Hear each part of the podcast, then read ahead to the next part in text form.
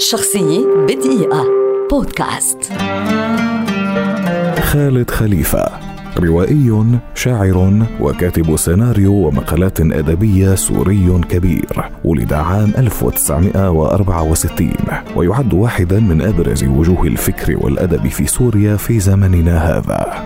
درس في كلية الحقوق في جامعة حلب وحصل منها على إجازة في القانون عام 1988 كتب الشعر وهو عضو في المنتدى الأدبي في الجامعة وكتب مسلسلات تلفزيونية نذكر منها مسلسل قوس قزح وسيرة آل الجلالي كما قدم بعض الأفلام الوثائقية والأفلام القصيرة والأفلام الروائية الطويلة مثل باب المقام.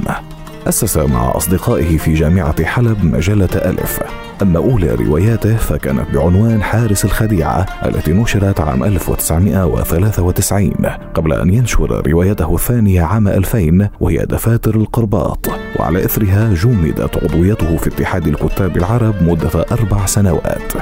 قضى خليفة 13 سنة في كتابة روايته مديح الكراهية التي نشرت في دمشق قبل أن تحظر ثم أعيد نشرها في بيروت. وقد جذبت هذه الرواية اهتمام وسائل الإعلام في جميع أنحاء العالم إذ وصلت للقائمة القصيرة في الجائزة العالمية للرواية العربية في دورتها الأولى عام 2008 وترجمت إلى اللغات الفرنسية والإيطالية والألمانية والنرويجية والإنجليزية والإسبانية. وقد أصبح إثرها المرشح العربي الوحيد لنيل جائزة الإندبندنت لأدب الخيال الأجنبي. ومن رواياته الأخرى الهامة أيضا نذكر لا سكاكين في مطابخ هذه المدينة. لم يصلي عليهم أحد والموت عمل شاق.